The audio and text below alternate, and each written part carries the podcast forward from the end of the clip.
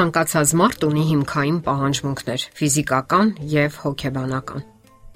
Ֆիզիկական պահանջմունքներից առաջին հերթին նշենք շնչառությունը, ապա ուտելը, խմելը, քնելը եւ այլն։ Հոգեբանական պահանջմունքներից ինքնադրսևորումը, գաղափարակիցների հետ հարաբերությունները եւ այլն։ Երբ մարդու այդ պահանջմունքները չեն իրականանում, մարմինն ու հոգին պարզապես հիվանդանում են կամ ի վերջո մահանում։ Դեպրեսիայի հիմնախնդիրը ուսումնասիրողները ողրզել են ապաթիայի պատճառները, որոնցից յուրաքանչյուրը կապված է հիմքային պահանջմունքները չբավարարելու հետ։ Աշխատանքը կապված է ինքնադրսևորման հետ, որտեղ մարդը ցուցադրում է իր հնարավորությունները։ Այդպես նաև ճանաչում ենք աշխարհը եւ ինքնուրույն գործում այնտեղ։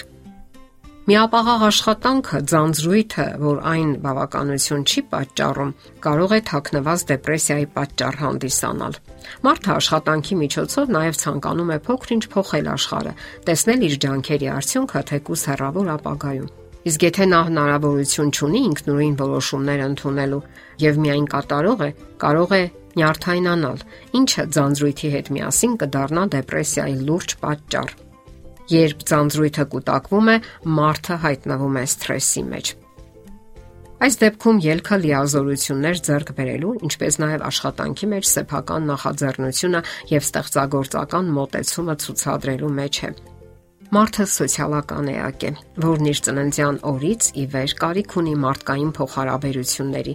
նաև օգնում է եւ օգնության կարիք ունի Նա ցանկանում է լսել եւ լսվել եւ պետք է ոչ միայն գտնվի ամբողջի մեջ, այլ այնպիսի մարդկանց միջավայրում, ովքեր հասկանում են, կարեկցում եւ վերջապես սիրում իրեն։ Այստեղ ելքը, այսպես կոչված, իր մարդկանց գտնելն է, այնպիսիներին, ովքեր հոգատարությամբ են շրջապատում նրան եւ կապված են փոխօգնության հոգով։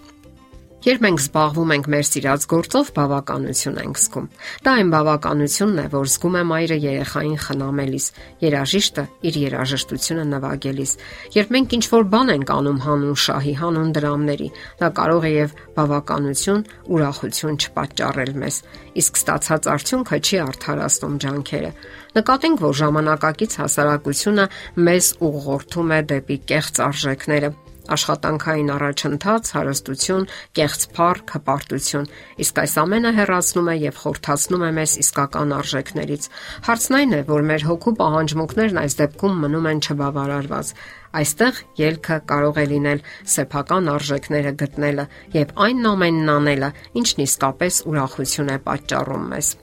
Մանուկ ժամանակ ստացած հոգեկան վնասվածքները կարող են գլուխ բարձրացնել հասուն տարիքում։ Դա կարող է լինել ծնողի կամ ծնողների կորուստ նրանց սատարումից կամ աջակցությունից զրկվելը, երբ անգամ նրանք կենթանի են։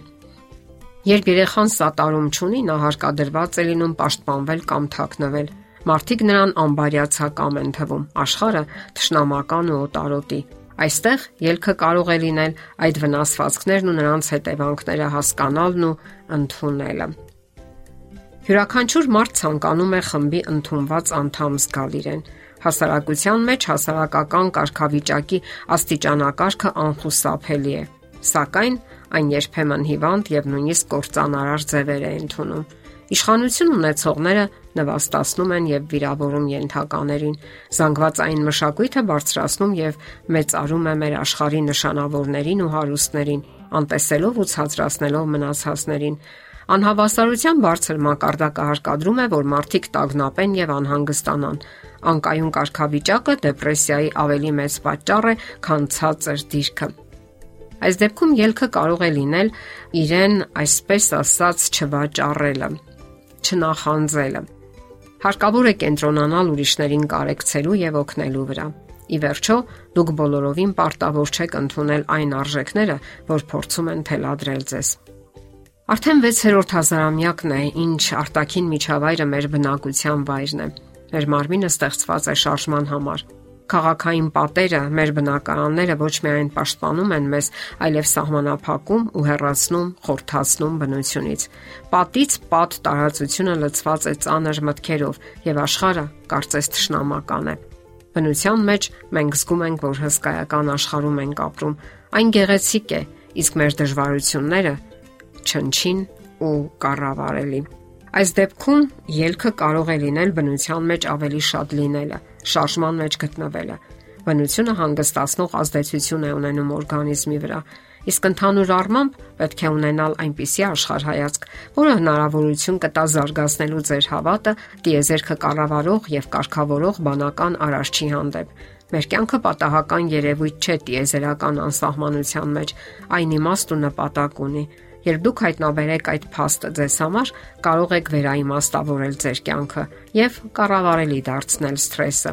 Իսկ դա էլի վերջո կարող է վերացնել դեպրեսիան ու նրան ծնող պատճառները։ Իսկ արդյոք դա հենց այն չէ, ինչ ցանկանում եք դուք։ Եթերում առողջ ապրելակերպ հաղորդաշարն է։ Հարցերի եւ առաջարկությունների համար զանգահարել 033 87 87 87 հեռախոսահամարով։